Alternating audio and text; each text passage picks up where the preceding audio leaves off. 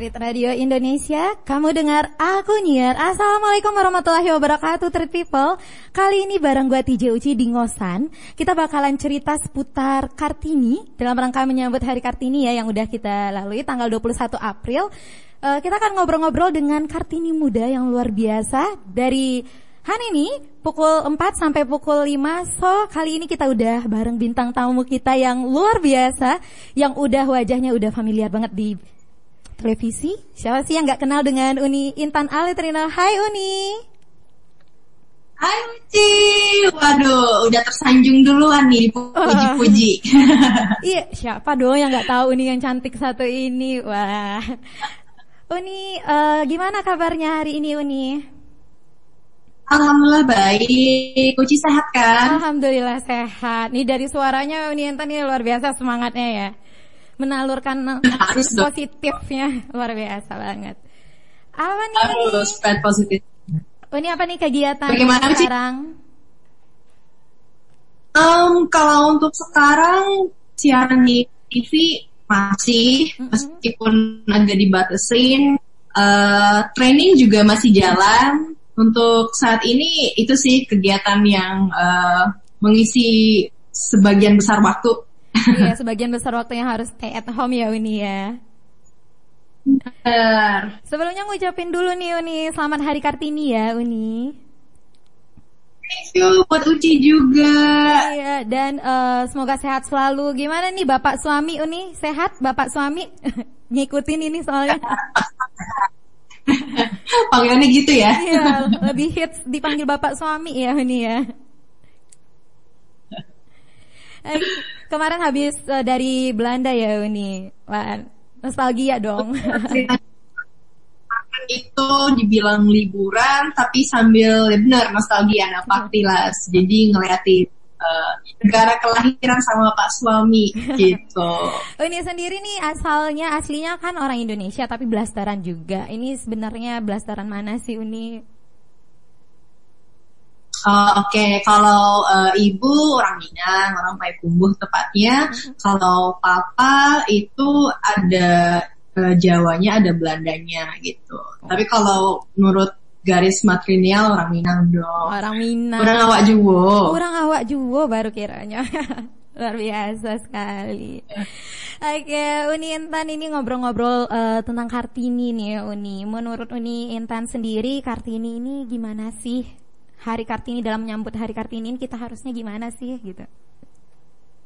Oke, ya ini kan bukan sekedar uh, annually event yang hanya kita kenang dengan sekedar memposting foto kebaya. Ini kan biasanya yang usual digunakan atau dilakukan oleh cewek-cewek Indonesia. Um, ada baiknya mengapresiasi seperti itu, tapi buat saya setiap tahun hari Kartini itu adalah um, suatu hari di mana saya benar-benar introspeksi diri sebagai perempuan kita udah achieve nggak sama goals-goals yang diharapkan sama Raden Ajeng Kartini? Karena ini kan juga perjuangan juga nih udah di seperti sekarang. Kalau kita kan mikirnya sekarang kayaknya hal yang lumrah ya bisa mencapai pendidikan sampai perguruan tinggi. Iya. tapi itu mungkin beberapa puluh tahun yang lalu itu bukan hal yang biasa jadi buat saya hari Kartini itu adalah hari introspeksi diri. Kira-kira kita sebagai perempuan um, posisinya udah ada di mana nih? Apa yang udah kita capai sebagai perempuan gitu. Iya luar biasa sekali ya Uni ya. Karena kebanyakan orang kalau hari Kartini ya sekedar ngucapin selamat hari Kartini. Seperti yang Uni bilang tadi pakai kebaya, foto, post seperti itu ya kurang lebih. Padahal sebenarnya banyak uh, yang harus kita capai goals-goalsnya. Nah salah satu goalsnya menurut Uni Intan perempuan itu harusnya bagaimana gitu? Dan apa uh, definisi seorang perempuan di mata Uni?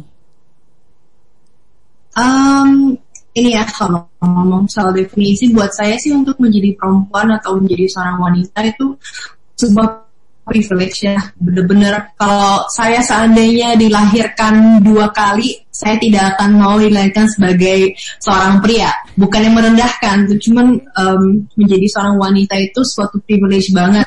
Kita itu dianugerahkan untuk menjadi seorang seorang ibu ya. kan? Kita semua bisa menjadi seorang ibu bisa bekerja bisa multitasking. Kecil paham banget ya kita iya, sebagai perempuan itu uh, punya banyak yang bisa kita lakukan di saat yang bersama apalagi juga um, social skill dan perasaan lemah lembut itu benar-benar ada di wanita. Dan menurut saya ya sebagai seorang perempuan di era sekarang ini ya kita harus bisa independen tanpa uh, mengabaikan uh, hak dan kewajiban kita sebagai seorang perempuan sih itu. Wah iya bener banget sih ini karena kalau bicara tentang uh, kegiatan perempuan itu yang bisa ngelakuin double bahkan triple gitu kegiatannya ya Uni lagi danda mungkin balas chat bisa gitu. Atau nyiapin sesuatu bisa. Emang luar biasa sih perempuan gitu. Apalagi emak-emak gendong anak sambil sambil mungkin work from home. Ini pasti banyak banget yang sudah dilakukan oleh wanita-wanita Indonesia saat ini. Iya. Salah satunya eh, untuk eh, ngasah gitu ya, kayak masak-masak mungkin ya ini. Kalau ini nah. ikut juga nggak sih? Masakin bapak suami juga nggak? Masakin. Ya di saat-saat seperti ini um, gak ada alasan buat bilang gak ada waktu buat masak. Kalau sekarang harus bisa masakin. harus bisa ya, selain bekerja melakukan kegiatan di rumah juga menjadi hal yang wajib bagi perempuan ya Uni ya. Ya setuju. Karena sekarang kalau kita lihat nggak ada yang namanya uh, berkat Ibu Kartini juga nih nggak ada yang namanya pembatasan terhadap perempuan. Jadi perempuan boleh ngelakuin apa pun itu selagi itu positif. Bener nggak Uni? Bener, apalagi kalau kita ngelihat Indonesia sekarang um, mulai dari berbagai profesi yang mungkin hanya dipandang itu adalah profesi seorang laki-laki, apalagi sekarang kalau kita lihat di struktur pemerintahan, kita punya menteri-menteri hebat yang merupakan perempuan semuanya gitu dan uh, ya ini membuktikan bahwa ini adalah uh, salah satu hasil dari bentuk perjuangan beliau sampai sekarang. Iya, luar biasa dan eh, nggak uh, boleh dipandang sebelah mata juga gitu ya Uni. Kan menurut beberapa orang banyak juga yang bilang udah jadi jadi perempuan gak usah pendidikannya tinggi, nanti kerjanya juga tiga hal di dapur, kasur dan sumur gitu. Itu udah klasik kali ya Uni ya. itu itu udah so not so not now ya so not dan apalagi um, kalaupun pada akhirnya sebagai perempuan kita memilih untuk menjadi ibu rumah tangga cuman kan um, kalau menurut saya salah satu tempat pendidikan dasar itu kan dari rumah kalau iya. kita misalnya sebagai seorang ibu nggak well educated gimana caranya kita bisa memberikan edukasi kepada anak kita gitu loh jadi wajib sih bagi seorang perempuan untuk bisa menempuh pendidikan setinggi-tingginya. Jangan mau deh dibatasin sama anggapan-anggapan masyarakat seperti itu. Itu udah nggak 2020 banget before. setuju banget sama Uni, setuju luar biasa nih. Tapi ini Uni ngomong-ngomong masalah uh, pendidikan dan karakter dari perempuan. Uh, gimana sih tanggapan Uni Intan melihat masih banyaknya perempuan Indonesia ya khususnya gitu yang uh, masih banyak, banyak mencerminkan hal yang kurang baik gitu. Menurut Uni gimana sih seharusnya sebagai kita perempuan yang udah di uh, diperjuangkan sama Ibu Kartini untuk bisa mendapatkan segala haknya dan harusnya kita itu kayak mana harusnya gitu kan biasanya ngomongnya gitu. Um, kadang ya sadar atau nggak sadar di era sekarang itu kan semuanya serba instan. Dan teknologi juga udah canggih. Mm -hmm. dan tanpa kita sadari kita merasa bahwa hal-hal yang tersedia sekarang itu udah lumrah udah hal yang otomatis. Karena yang standar yang kita pikir standar-standar sekarang itu butuh perjuangan banget beberapa puluh tahun yang lalu. Dan kalau kita nggak memanfaatkan itu itu benar-benar kayak nggak menghargai perjuangan beliau banget.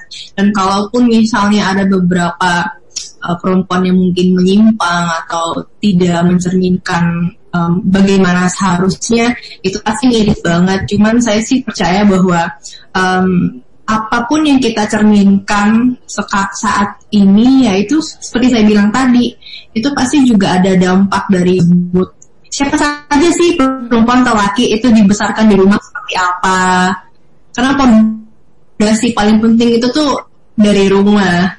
Um, dan lagi-lagi sih apalagi kalau kita udah dewasa ya semua pilihan hidup kita itu kan yang ada di kita.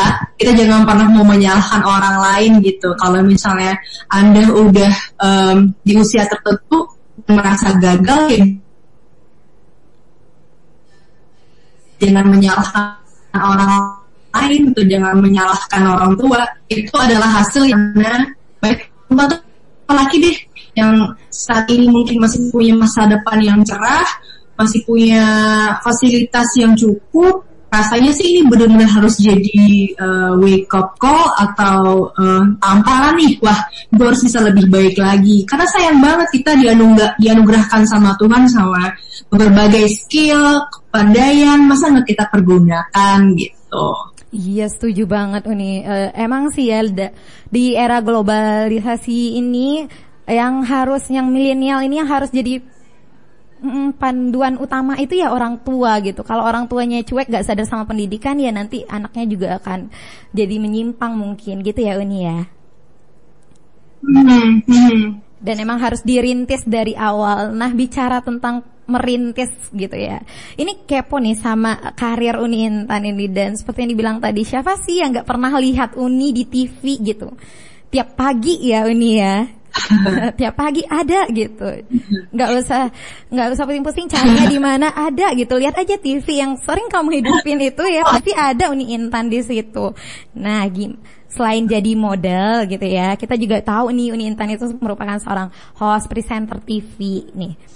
Uh, apakah itu termasuk sebagai passion dan harapan Uni yang dulu-dulu Uni rintis gitu nih Oke, okay. Uci, Uci tahu nggak sih dulu waktu umur Uni hmm, tiga hmm, atau empat tahun, Uni itu sering nemenin papanya Uni di uh, di ruangan di rumah, uh-huh. nemenin papinya Uni itu boxing sama silat, jadi sering nungguin. Gak pernah mau ninggalin, pokoknya nungguin terus. Sambil nungguin itu, itu ada kardus-kardus bekas yang Uni uh, lobangin jadi kayak uh, eh, TV kayak kotakan gitu terus dilobangin. Terus Uni masuk ke dalam uh, kardus itu. Terus di depan kardus itu Uni jajarin boneka boneka-boneka. Terus di situ pura-pura jadi anchor. Ngomongnya nggak tahu sih. Taruh ngidul aja udah. Tapi sosok berasa jadi news anchor jadi presenter. Dan ketika udah beranjak dewasa dari SMP sebenarnya punya keinginan buat menjadi lawyer. Itu juga kenapa dari uh, S1 sarjana hukum. Cuman waktu uh, ikutan Putri Indonesia, eh jauh itu sih waktu masih kuliah juga S1 di Padang, itu sempat dapat tawaran untuk menjadi uh, presenter di Padang TV, di TVRI Sumber, dan uh, itu aku ambil kesempatannya. Jadi sebenarnya belajar awal-awal jadi host itu di TV lokal di di Padang. Nah, ketika udah wisuda S1, udah sarjana hukum, akhirnya uh, mendapatkan tawaran casting TV nasional. Terus mikir, aduh kayaknya sayang juga kalau nggak diambil kesempatannya, kayaknya nggak datang dua kali. Akhirnya sampai sekarang keterusan deh jadi TV host. Itu udah dari kecil sebenarnya udah ada tanda-tanda sih kalau kata ayah saya. Wow, dari berarti dari umur 4 tahun itu udah kelihatan ya bakatnya itu ngapain kreatif loh ini waktu kecil ya sampai ngelobangin itu kardus gitu sampai jejarin itu bonus. Oh luar biasa. Udah halu Gak apa-apa, buktinya sekarang kan udah bener-bener lihat di TV asli nggak ya halu lagi. Itu luar biasa banget loh ini. Dan gak nyangka juga ini juga hobi ya lihat-lihat taekwondo kayak gitu, silat-silat gitu. Uh, ini Uci kepo juga sih. Tadi udah diceritain ya sedikit uh, karirnya awalnya dari kecil emang udah biasa gitu ya. Udah ada bakat-bakat terpendam gitu. Nampil ya, ngeksis. Dan waktu kuliah juga sempat uh, nimbrung di TV lokal juga. Dan perjalanan karir Uni Intan itu seperti apa sih sebenarnya gitu? Mulai dan titik baliknya itu di mana? Uh, karirnya sebagai TV host ya berarti. Iya. Boleh sebagai dari model ya Uni ya pertama ya Uni. Oh, oke. Okay. Kalau dari waktu uh, waktu masih di Padang itu emang aku aktif sebagai model, uh, ikut duta wisata juga, udah Uni Sumber sampai mewakili ke provinsi dan um, itu kayak udah menjadi uh, apa ya? Ibaratnya belajarnya di sana. Karena kayak untuk meningkatkan rasa percaya diri buat maju ke tingkat nasional kayaknya harus bisa compete di tingkat provinsi dulu. Akhirnya berkat support teman-teman pada ngajakin kayak oh kamu daftar dong Putri Indonesia di Sumatera Barat. Ya udah aku daftar. Dan harapannya waktu itu nggak tinggi-tinggi. Yang penting bawa nama Sumatera Barat masuk top 10 aja itu udah lebih dari cukup deh gitu. Ternyata pas menjalani karantina malam final dinobatkan sebagai second runner up sekaligus Putri Indonesia Pariwisata dan uh, konsekuensinya adalah di setahun di Jakarta. Jadi itu udah nggak pulang lagi tuh ke Padang dan sampai sekarang di 2016 itu juga udah nggak berarti udah stay di Jakarta dan um, setelah menjabat sebagai putri mendapatkan tawaran untuk jadi um, salah satu presenter di salah satu uh, stasiun TV swasta ya udah dicoba. Tapi banyak juga kok kayak meskipun pernah on cam di di kamera. Tapi kan itu kan dulu lokal pasti vibesnya agak beda ya. Karena kan kalau TV nasional banyak yang nonton. Kemudian juga kalau salah ngomong dikit netizen juga julid kayak langsung diserang lewat direct message. Itu pressure-nya tinggi. Tapi pernah juga kayak dikontrak buat suatu program untuk dari awal sampai akhir nggak taunya cuma beberapa episode doang kontraknya diputus. Karena mungkin dari akunya nggak perform. Ya karena emang masih baru-baru ya jadi pasti nggak belum dapat comfortnya. Dan jujur aku juga learning by doing di saat itu. Kemudian um, makin lama nggak bisa bohong sih jam terbang emang menentukan banget. Bisa dibilang kalau dulu tuh setiap air aku masih gugup banget masih kayak takut salah ngomong takut iya kayak nggak pede karena banyak rasa takutnya. Karena zaman sekarang kan zaman Instagram semua orang bisa search nama kita sending message ke kita itu udah bisa ngomong apa aja bisa menghujat kita, bisa menjatuhkan kita. Jadi itu sih yang dulu aku takutin. Cuma kalau sekarang ya alhamdulillah berkat jam terbang udah um, terus percaya dirinya juga udah lumayan, nggak berhenti update upgrade skill juga dan um, mencoba program-program yang di luar comfort zone aku juga kayak dulu aku pernah menjadi sportcaster di La Liga Santander itu adalah match so soccer match Spanyol. Aku bahkan nggak tahu apa-apa tentang sepak bola, apalagi sepak bola Spanyol. Dan aku harus bisa ngebawain pertandingan sepak bola itu. Dan itu adalah satu challenge gitu. Jadi um, ya aku sih selama ini selalu keluar dari comfort zone sih, biar bisa belajar terus. Jadi jangan ada di uh, tempat yang itu itu mulu lama-lama nyaman tapi kita kan maju-maju gitu. Iya. Itu sih singkat ceritanya. luar biasa ya ini bener banget sih kalau selalu berada di titik nyaman, zona nyaman itu nggak bakalan berkembang. Dan uh, itu tadi cerita ini luar biasa juga sih yang seorang Uni Intan yang kita lihat ini hebat banget gitu udah tampil depan TV ini dan segala macam ternyata di balik itu juga punya rasa grogi juga gitu dan lihat nggak nyangka juga kalau seandainya waktu di program olahraga itu aku juga pernah lihat loh ini dan itu kayaknya udah paham banget urusan itu. Ternyata itu juga learning by doing ternyata ya. Iya. Ya, luar biasa. Berarti suka dukanya juga lumayan banyak ya Uni. Nggak seperti orang pikir langsung ketawa have fun aja enggak gitu ya. Iya pak. Ya ini mah bener-bener uh, pasti ada berkorbannya juga apalagi waktu aku zaman zaman jadi sportcaster di Liga Spanyol aku harus live di jam 2 dini hari di jam wow. 3 dini hari pulang siang jadi hidup bener-bener banget sih di awal-awal tuh bener-bener kayak aku masih ingat banget apa ya belum tidur terus ngeleng orang di jalan udah seger, pada ngantor, pada pasar, pokoknya udah rebutan nama tukang sayur aja gitu pulangnya. itu kayak ya banget yang mereka udah tidur, gue belum tidur, tapi uh, melihat ke belakang, aku benar-benar mensyukuri uh, keputusan aku saat itu aku menjalani itu. Kalau enggak aku nggak akan setak yang sekarang sih. Kalau siaran ibaratnya sekarang udah tahan banting nih. udah nggak takut netizen lagi ya Uni ya.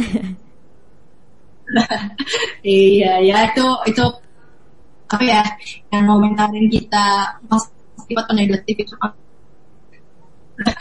selalu ada sih. Dan harus diterima juga ya Uni. Itu luar biasa. Oh iya harus harus bisa terima harus bisa terima kritik. Saya selalu baca kok direct message saya kalau ada yang um, ngekritik dan kalau emang itu membangun ya aplikasikan justru saya berterima kasih sama orang-orang seperti itu. Cuman memang kadang-kadang ada netizen yang maksudnya baik cuma cara penyampaiannya mungkin yang apalagi kalau lagi baper kan ngebacanya nggak enak gitu. Ya macam-macam lah. Tapi input-input dari netizen pasti akan selalu berguna.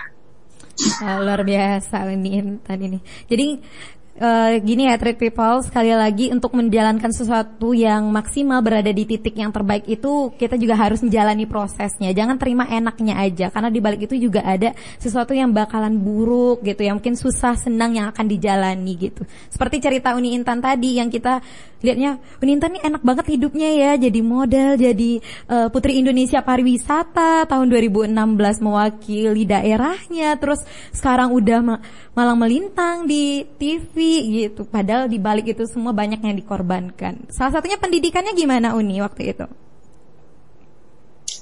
Um, aku sih selalu berprinsip bahwa pendidikan itu selalu harus nomor satu.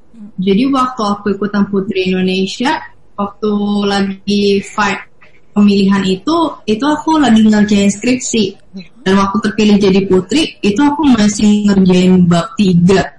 Dan aku selalu uh, punya target jangan sampai gara-gara menjabat sebagai putri S1-nya nggak kelar-kelar. Karena waktu itu punya punya target buat cum laude.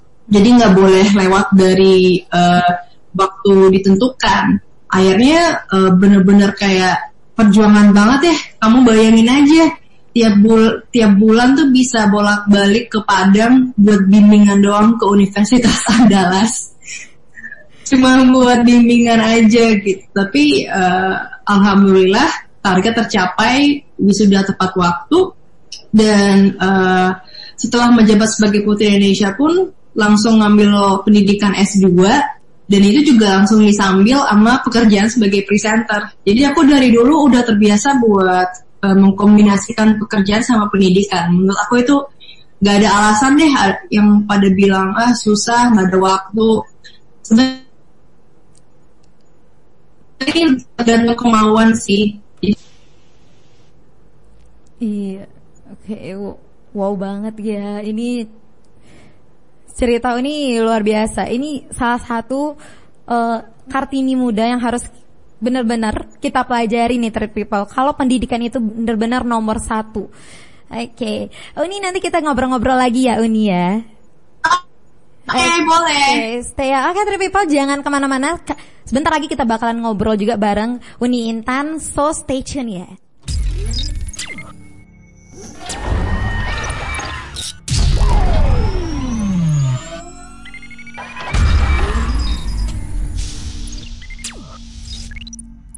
Oke, okay, people masih bareng gue TJ Uci di Ngosan dan spesial hari Kartini kita masih ngobrol bareng bintang tamu kita yang luar biasa banget ada Uni Intan Aletrino. Hai Uni, masih stay?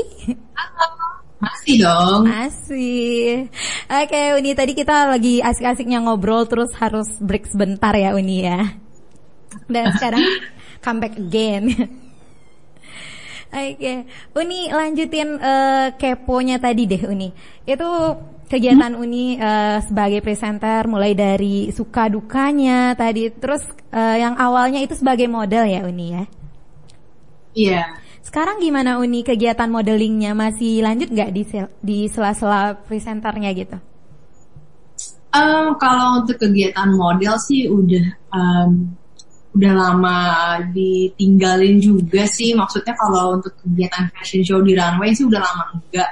Terakhir kayaknya udah lama banget paling kalau masih fashion show gitu itu kalau ada special request sekali masih um, kalau untuk photoshoot mungkin sekali masih tapi mungkin karena juga lebih nyaman sekarang sebagai uh, presenter MC kali ya karena um, yang menarik buat saya adalah ketika menjadi uh, presenter atau MC kita juga langsung berinteraksi sama orang-orang dan itu kayaknya lebih seru aja sih dibandingkan jadi model. Terus kalau dari model kan ya um, lebih monoton sih lebih statis kalau bu buat saya gitu. Maksudnya sekali seru, cuman kalau misalnya pun harus milih, buat sekarang kayaknya lebih nyaman di dunia public speaking. gitu karena banyak berinteraksi sama orang-orang sih jadi kayak lama kelamaan udah nggak terlalu fokus lagi sih di situ terus alasan terbesarnya adalah ini antara kita aja ya Ci Iya, badannya udah melar ya Allah masih bagus kok ini yang melar yang di sini gitu. Aduh, jadi pangling yang segitu udah melar apalagi yang segini aduh. Oke, luar biasa Nintan. Jadi udah lama uh, di stop paling saya sekali ya Uni untuk mengobati kerinduan kali ya Uni ya. Nah, Oke, udah menemukan passion yang lebih uh, ngena di hati gitu. Oke, ngomong-ngomong nih Uni sebagai presenter dan host TV. Uh, mau tahu dong apa tips dan trik dari Uni Intan sih untuk jadi presenter itu sebenarnya gitu? Oh, Oke, okay. um, ya kalau dari saya sih yang pertama yang paling penting itu adalah um, as a host, as a presenter atau MC atau even kayak Wuci uh, yang uh, radio DJ um, harus bisa punya kepercayaan diri dulu sih. Karena gimana mau perform kalau sama diri sendiri aja nggak percaya gitu kan. Tapi untuk bisa nge-build kepercayaan diri itu pastinya harus disertai dengan skill. Karena mungkin bagi para uh, teman-teman yang lagi dengar sekarang uh, umpamanya gini aja deh. Pernah gak sih ngerasain kalau ujian kampus atau sekolah kalau kita benar-benar udah preparation dari rumah udah belajar dengan baik pasti lebih pede gak sih ngadepin ujiannya? Iya benar gitu. banget. Itu sama aja halnya kalau jadi MC ketika uh, skill kita atau kemampuan kita udah dirasa cukup dilatih ini jauh lebih pede untuk menghadapi kerjaan sehari-hari sih. Itu jadi tips buat aku sih harus percaya diri dulu dan um, harus bisa belajar kapan aja sama siapa aja. Jangan malu bertanya sama senior minta arahannya. Kemudian juga um, ya saya juga sebagai presenter karena um, secara fisikal juga dilihat jadi itu juga harus dijaga sih penampilan itu juga nggak kalah penting. Apalagi kalau misalnya kita nggak pede sama penampilan kita, itu juga akan berdampak ke perform kita sebagai uh, public speaker juga gitu. Jadi kayaknya basic tipsnya itu sih kalau buat saya ya. Oke, yang paling dasar itu kepercayaan diri ya nih. Nah, ya itu mungkin teman-teman juga udah enek kali ya dengarnya setiap ditanya percaya diri percaya diri tapi beneran deh nggak bosan-bosannya saya mengatakan bahwa PD itu itu adalah hal yang utama sih. Dan itu ya inti utama dari segala-galanya ya Uni ya. Kalau seandainya nggak pede ya gimana mau nampil gitu kan? Kita cover pede terlebay. Oke yang penting uh, sesuai porsinya gitu ya. Hmm. Uni, dari tadi Uni juga bilang selain percaya diri itu kita harus belajar. Mau belajar dari mana pun. Kira-kira nih, menurut Uni Intan gimana sih cara kita belajar menjadi seorang uh, presenter, host gitu, yang bagus gitu? Karena sekarang orang banyak sih nggak ada ini itu dan segala macam dan kita nggak tahu juga ya yang sebenarnya langkah menjadi seorang presenter atau host itu apa awalnya terlebih dahulu belajarnya gimana gitu. Oke, okay. um, ya kalau tadi kan sih sempat bilang bahwa saya learning by doing. Mm-hmm. Cuman uh, bisa dibilang kalau tadinya ada kesempatan buat join di tempat public speaking course atau training, saya akan memilih itu terlebih dahulu sih, karena uh, itu adalah suatu wadah di mana kita benar-benar bisa mengasah skill dasar kita. Dan selain bertanya ke senior mengenai feedback, cuman um, ini karena berhubung saya juga selain TV host, ini juga diberikan kepercayaan untuk bisa membagi ilmu. Jadi saya ini adalah salah satu uh, board of expert di talkactive.id dan uh, ini adalah salah satu wadah di mana kita bisa mengasah public speaking skill kita. Oke. Okay. Jadi uh, uh-uh. kalau untuk ingin belajar untuk menjadi seorang host atau uh, TV host, saya rasa uh, itu adalah uh, salah satu langkah yang tepat. Ibaratkan sekolah gitu. harus tahu harus tahu teorinya dulu, harus tahu harus tahu pakem-pakemnya dulu. Kemudian juga ketika misalnya di uh, di Talk Active ID di mana saya mengajar itu kita tidak hanya saja memberikan yang namanya teori atau konsep-konsep aja materi, tapi benar-benar ada sesi prakteknya. Karena kebetulan yang uh, menurut saya luar biasa adalah yang memberikan materi ini adalah orang-orang yang berpengalaman di bidangnya. Jadi bukan bukan menyampaikan sesuatu dari buku, tapi juga benar-benar dari experience mereka sendiri di lapangan gitu. Dan pastinya juga ada beberapa metode-metode yang uh, saya sering sampaikan di sana. Terutama tadi yang saya bilang mengenai kepercayaan diri tadi, confidence. Nah kalau itu akid.id itu uh, kita sebutnya dengan CCP. Ini adalah metode andalan kita, gitu Ci. Oh gitu, jadi wah, luar biasa sekali nih Nintan Udah sebagai board of expert dari Talk Active Nah ngomong-ngomong Talk Active nih Uni Kira-kira Talk Active itu apa sih Uni? Boleh cerita sedikit nggak Uni? Boleh kenalin sedikit nggak uh, untuk trade people juga nih? Oke, okay. um, so singkatnya tadi kan saya udah cerita ini adalah tempat uh, tempat tempat belajar untuk public speaking. Tapi sebenarnya juga kalau lebih detailnya Talkactive.id ini adalah suatu startup yang memang fokus kepada coaching, training, and consulting. Jadi di talkactive.id ini kita memberikan coaching, training, consulting ini baik terbuka untuk umum atau juga in-house training. In-house training ini adalah permintaan dari perusahaan. Misalnya ada permintaan khusus dari HR suatu perusahaan, baik itu swasta atau uh, eh, BUMN gitu. Jadi memang uh, udah beberapa kali training juga sempat training untuk publik millennials yang ikut ikutan pengen tahu bagaimana cara menjadi TV host pengen tahu caranya bagaimana jadi seorang MC tapi saya juga pernah uh, ngasih kelas kepada level-level eksekutif di suatu perusahaan gitu. Itu beda materi lagi gitu. Jadi materinya bisa bisa beragam. Mulai dari kita memberikan mereka uh, marketing tips atau bagaimana cara berkomunikasi dengan atasan. Jadi sangat sangat bervariasi Ci.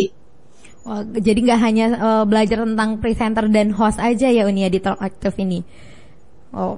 iya, kalau kita uh, kalau saya ngajarin house training ini memang karena ini kan berhubungan dengan perusahaan, biasanya perusahaan menyampaikan ke kita apa yang dibutuhkan oleh uh, karyawan mereka. Jadi mungkin apakah groomingnya harus diperbaiki, personal uh, brandingnya, business communicationnya bagaimana, atau bagaimana public relation, media handlingnya. Jadi sebenarnya banyak materi sih tergantung permintaan dari HR-nya. Tapi seru sih Ci selama di talkactive.id soalnya juga partner partner sesama trainer saya juga sama kayak saya millennials. Terus yang seru itu kalau misalnya kita buka kelas publik, misalnya kayak MC presenter kelas, itu kita akan start batch kedua.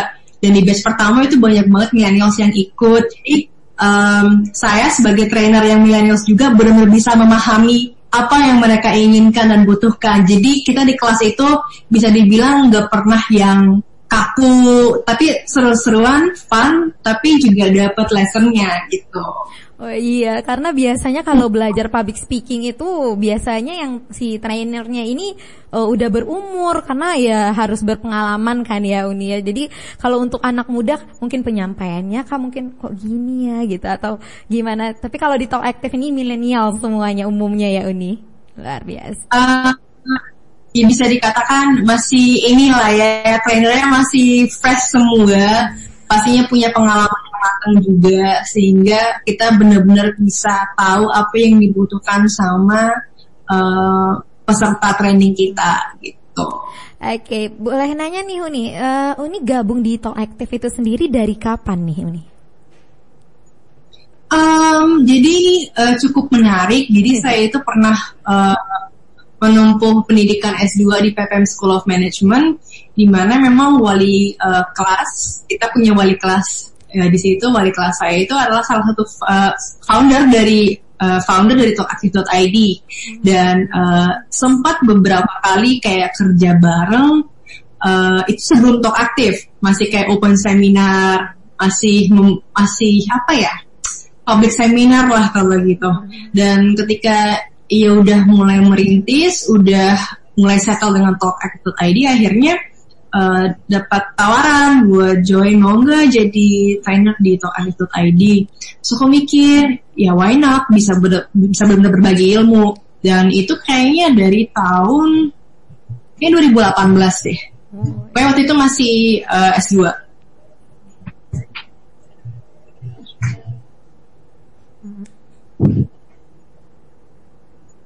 Oke, okay, berarti oh, learning by doing juga ya ini ya. Ya, tapi memang eh, kita setiap trainer yang ada di Talk Active itu bahkan trainernya juga di training. Jadi memang materi yang kita persiapkan juga kita pasti uh, kita juga pasti bukan trainer yang asal-asalan memberikan materi. Trainernya pun di training dengan well gitu. Jadi nggak sembarangan terjun ke lapangan terus ngajarin orang gitu. Oh. saya juga pasti melewati tahap training dulu jadi trainer. Diseleksi dulu pasti Wow luar biasa ya. Jadi nggak abal-abal ya yang dikeluarin dari Talk Active itu gitu. Nggak sekedar tampil-tampil terus ditarik sebagai trainer nggak, tapi juga bener-bener emang punya skillnya gitu ya Uni. Iya, apalagi kalau misalnya ditunjuk sebagai trainer, berarti kan saya punya tanggung jawab untuk bisa mendeliver sesuatu, harus bisa sesuai dengan visi misi dari talkactive.id-nya. Saya juga harus bisa memastikan bahwa partisipan juga mendapatkan sesuatu, membawa ilmu pulang, dan benar-benar bukan menjadi waktu yang dibuang. Apalagi kalau kayak sekarang nih sih di masa-masa stay at home kayak gini, kita juga bingung ya uh, mau menghabiskan waktu dengan cara seperti apa apakah dengan tidur tiduran saja di rumah atau nonton drakor seharian, Netflix seharian atau upgrade ilmu gitu. Jadi memang kita juga berinovasi uh, mencari cara bagaimana kita tetap bisa berbagi knowledge. Nah, salah satunya kita membuka kelas um, presenter dan MC training itu online. Itu dimulai uh, besok. Ini adalah batch kedua batch pertama kita udah pernah pernah bikin banyak pesertanya seru nah sekarang kita mumpung ada kesempatan dan memang situasinya agak uh, nggak as usual kita mencoba untuk memberikan online training Oh gitu ya Uni. Uh, ini kepo nih Uni. Jadi uh, di er, lagi keadaan pandemi dan harus stay at home, tak aktif udah mau bikin program gitu ya Uni ya. Belajar online. Ya, jadi Oke. Okay. Ya, jadi uh, mengangkat topiknya spesifik. Ini masih dalam rangka public speaking, cuman memang ini adalah MC dan presenter kelas. Jadi yang mau kita tekankan adalah uh, ini khususnya bagi uh, teman-teman yang berminat nih, yang mungkin pengen seperti Uci atau mungkin pengen seperti saya jadi presenter atau mungkin kayak rekan saya menjadi MC. Nah di sini kita uh, akan memberikan tips-tipsnya pastinya kita menyampaikan materi dasar, tips, dan pasti juga ada sesi prakteknya. Dan mungkin banyak ya teman-teman di luar sana yang nggak bisa ngebedain apa sih bedanya pembawa acara di radio sama di TV atau di mana? Suka suka gitu ya Ci ya. Nggak bisa ngebedain. Nah kalau untuk besok memang kita fokus akan understanding sebagai presenter itu apa tugasnya caranya dan sebagai MC pun itu bagaimana gitu. Dan um, di sini juga kita tekankan bahwa selain rasa percaya diri kita juga harus bisa nih Ci uh, membangun uh, koneksi atau engagement dengan apa audiens kita jadi jangan sampai ngomong sendiri tapi gak dapat engagementnya dengan audiens jadi emang ini yang akan kita kupas lebih detail besok di kelas online kita. Oke, okay, wow menarik banget nih Uni kelas online, jadi training online gitu ya. Walaupun di rumah, stay at home, kita bisa upgrade ilmunya.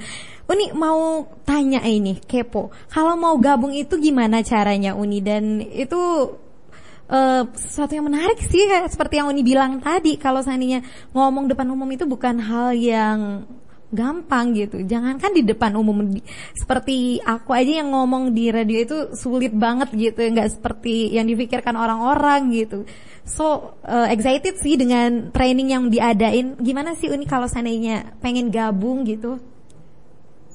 Oke, okay, kalau pengen gabung untuk uh, kelas online presenter dan MC uh, kita itu gampang banget. Itu bisa buka atau follow social media kita di @talkactive.id itu ada linknya di bio kita, tinggal diklik aja. Lalu ketika udah masuk linknya, tinggal uh, isi form yang ada di sana. Nah, setelah udah isi formnya, teman-teman nanti diberikan link untuk masuk ke kelas online-nya beserta passwordnya. Sesimpel itu, Ci. Wow, simple. Gak ribet-ribet. Simpel banget. Iya, apalagi di zaman sekarang nggak perlu uh, jauh-jauh spare waktu untuk berada di suatu lokasi, transport, cukup dari kamar atau di rumah aja udah bisa upgrade ilmunya. Oke, luar biasa sekali. Jadi kalau seandainya Treat People mau gabung training online-nya, itu simple banget. Silahkan follow aja media sosialnya Talk Aktif at talkaktif.id gitu ya. Ini ya langsung ambil link di sana dan ikutin alurnya. Oke, okay. Uni hmm. uh, mau tanya juga, itu kegiatannya berapa lama itu biasanya Uni? Um, biasanya kita kalau untuk satu uh, satu karena besok kita online, kita memang uh, ada keterbatasan. Cuma kita akan mengoptimalisasikan fasilitas yang ada. Training itu besok akan berlangsung selama dua jam. Jadi memang benar-benar mendapatkan uh, materi dari MC profesional dan presenter profesional full dalam waktu dua jam. Oke, okay, luar biasa. So, people jangan lewatkan kesempatan ini karena ini sesuatu yang uh, luar biasa banget ini untuk upgrade ilmunya. Apalagi kita nggak bisa ke mana-mana gitu. Mm -hmm. Dan yang menariknya sih setelah uh, biasanya ada beberapa teman-teman kita di batch pertama itu pernah mengikuti kelas presenter sama MC. Ketika mereka sudah menjalani kelas itu, mereka pengen di coaching lagi. Nah, kita juga ada buka kelas coaching, jadi benar-benar kayak uh, lebih private lagi, sehingga bisa uh, lebih detail lagi nih groomingnya. Cuman ini kita ngomongnya kalau udah melewati kelas besok ya, tapi biasanya banyak dari partisipan kita yang ketika sudah tahu tips and tricksnya, sudah tahu teorinya, malah pengen di coaching lagi nih. Karena kan mungkin Uci juga tahu kunci dari public speaking salah satunya adalah banyak praktek. Iya. Gitu. Pokoknya menarik banget deh. Iya, dia nggak ngapa-ngapain skill. Iya dari Uni jelasin sedikit aja itu udah sesuatu yang luar biasa. Jadi kalau seandainya kita ikutin kelasnya itu nggak sekedar ikut aja gitu ya, tapi ada next kegiatannya juga ada bagi yang mau lagi gitu, yang mau upgrade lagi gitu ya Uni. Okay. Iya benar sih. Um, mungkin nggak hanya buat teman-teman yang pengen jadi presenter atau MC ya, cuman uh, buat saya saya ini selalu selalu kasih catatan bahwa sebagai seorang individu kita harus selalu punya public speaking skill yang uh, bagus. Karena kita nggak pernah tahu kapan kita disuruh berbicara di depan umum mau itu mungkin menjadi wakil keluarga atau disuruh bos present di depan klien atau event penting di mana itu adalah kesempatan buat kita show off kemampuan kita. Sayang banget kalau kita nggak punya public speaking uh, skill yang bagus. Apalagi kalau misalnya punya skill presenter atau MC kan lumayan jadi sambilan. Iya lumayan banget itu nih, nggak lumayan lagi. Aduh itu luar biasa banget dan informasi yang diberikan itu juga bermanfaat untuk kita lagi di menjalani aktivitas di era pandemi seperti ini. So Uni mau minta dong uh, Uni untuk ajak nih trade people untuk bisa gabung ke kelas online-nya. Mungkin kalau diajak Uni Intan langsung bisa terketuk hatinya gitu ya kan. Jadi wow spesial Uni Intan banget nih yang ngajak yakin gitu. Oh, Oke, okay, ajak buat besok ya. Oke, okay, uh, eh, buat teman-teman yang lagi mendengarkan sekarang, daripada besok gabut, nggak mau, nggak tahu mau ngapain, daripada gabut nungguin balasan dari si dia yang PHP-in kamu terus, mending langsung aja sekarang follow social media kita di @talkaktif.id, klik ada link di bio kita, langsung sign up buat online training kita, khususnya berfokuskan kepada tema MC dan presenter, di mana besok aku akan share knowledge aku sama kalian. Mudah-mudahan uh, juga bisa mengupgrade skill teman-teman sekalian. Pokoknya rugi kalau nggak ikutan, apalagi di era sekarang daripada leleh, mending upgrade skill dan knowledge. see you there. Iya, oke, okay. see you. Ini udah luar biasa banget. Tertip people itu dengerin kata Uninya upgrade ilmunya. So Uni uh, ini udah waktunya kita mau uh, berpisah ya Uni. Tapi sebelum itu Uci mau minta dulu nih, apa sih harapan Uni Intan untuk wanita Indonesia gitu Uni? Kayak buat semua wanita Indonesia, tetap teruslah berkait berkarya, percaya sama diri sendiri, jangan pernah mau dianggap sepele sama orang lain, percaya bahwa kamu adalah versi terbaik dari diri kamu, manfaatkan semua yang dianugerahkan sama Tuhan dan jadilah kebanggaan keluarga, teman-teman dan juga bangsa Indonesia. Pokoknya perempuan Indonesia hebat, pasti maju semuanya. Harus bisa. Harus bisa. Oke, terima kasih banyak Uni Intan sharing ilmunya, sharing ceritanya dan semangatnya. Oke, people udah ini nggak kerasa ya kita udah ngobrol banyak sama Uni Intan mungkin masih kepo-kepo dan hal yang terpenting bagi third people semua yang mau upgrade ilmu besok banget nih Ya jangan lewatkan, silakan ikutin yang namanya training online. Silakan follow media sosialnya at talkaktif.id dan itu langsung di training langsung oleh orang-orang yang profesional. Dan Tripipal terima kasih karena udah nemenin kita dan Uni Intan terima kasih ya Uni udah sharing hari ini. People, thank you for having me. Oke, okay, karena ini pasti sibuk banget dan sehat selalu ya Uni, stay healthy. Sama-sama Ci, stay healthy, stay safe everyone.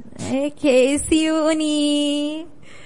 Bye. Bye. Oke, okay, Trade People, uh, jangan ke mana-mana, tetap dengerin Trade Radio.